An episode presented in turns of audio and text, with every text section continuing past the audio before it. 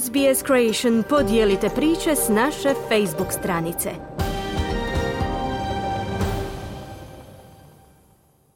Radio SBS program na hrvatskom jeziku, ja sam Kruno Martinac.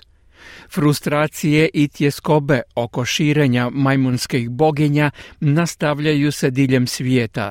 Sada je glavni problem nedostatak cijepiva. Prilog Cassandra Bain i Sunila Avaštija.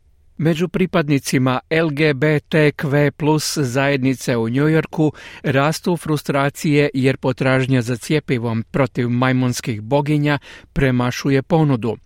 Sjedinjene države imaju gotovo 5000 potvrđenih slučajeva zaraze ovim virusom više nego bilo koja druga država od početka izbijanja epidemije.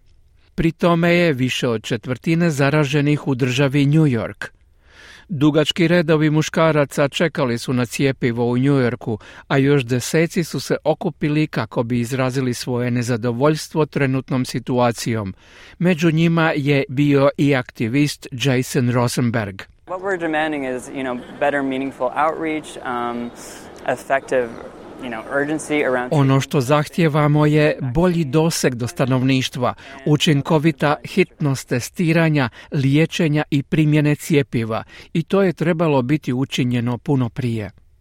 Broj slučajeva zaraze virusom raste diljem zemlje, a New York je u epicentru epidemije.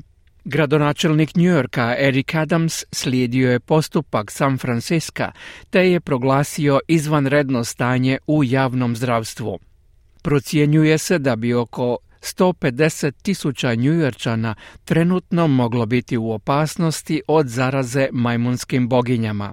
Gradonačelnik ovoga grada kaže da će nastaviti surađivati sa saveznim partnerima kako bi osigurao više doza cijepiva čim budu dostupne ali zdravstveni stručnjaci poput profesora epidemiologije na sveučilištu Kolumbija Steven Morsa kažu da će osiguranje dovoljnih količina cijepiva iz Danske biti veliki izazov. This vaccine, which was developed after the eradication of smallpox, um, is made by... Ovo cijepivo koje je razvijeno nakon iskorjenjivanja malih boginja proizvodi tvrtka koja nema veliki proizvodni kapacitet, a nije bilo ni dovoljno zaliha ovoga cijepiva.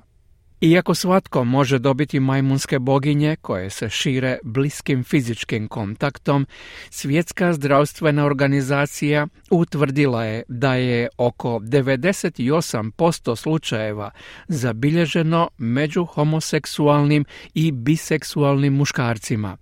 Glasnogovornica ove organizacije Margaret Harris pojasnila je they may not know that they've got it and somebody else may not not be able to see that they've got it and this is how it can transmit neki možda ne znaju da su zaraženi, a netko drugi možda neće znati niti će vidjeti da je netko obolio i to je način na koji se može prenositi među ljudima koji jednostavno nisu svjesni da su zaraženi. Prošloga tjedna Svjetska zdravstvena organizacija proglasila je majmunske boginje globalnom zdravstvenom krizom. Strah od zaraze virusom također izaziva zabrinutost među vlasnicima tvrtki u LGBT i plus zajednici. U strahu od zaraze inače puni barovi i klubovi odjednom su se ispraznili. U Velikoj Britaniji vlasti se također trude što prije nabaviti više cijepiva, dok se broj slučajeva i u toj zemlji penje iznad 2,5 tisuće, od čega je većina u Londonu. Troje ljudi umrlo je od majmunskih boginja u Brazilu i Španjolskoj, što su u trenutnoj epidemiji prvi poznati smrtni slučajevi zabilježeni izvan afričkog kontinenta. Kliknite like, podijelite, pratite SBS Creation na Facebooku.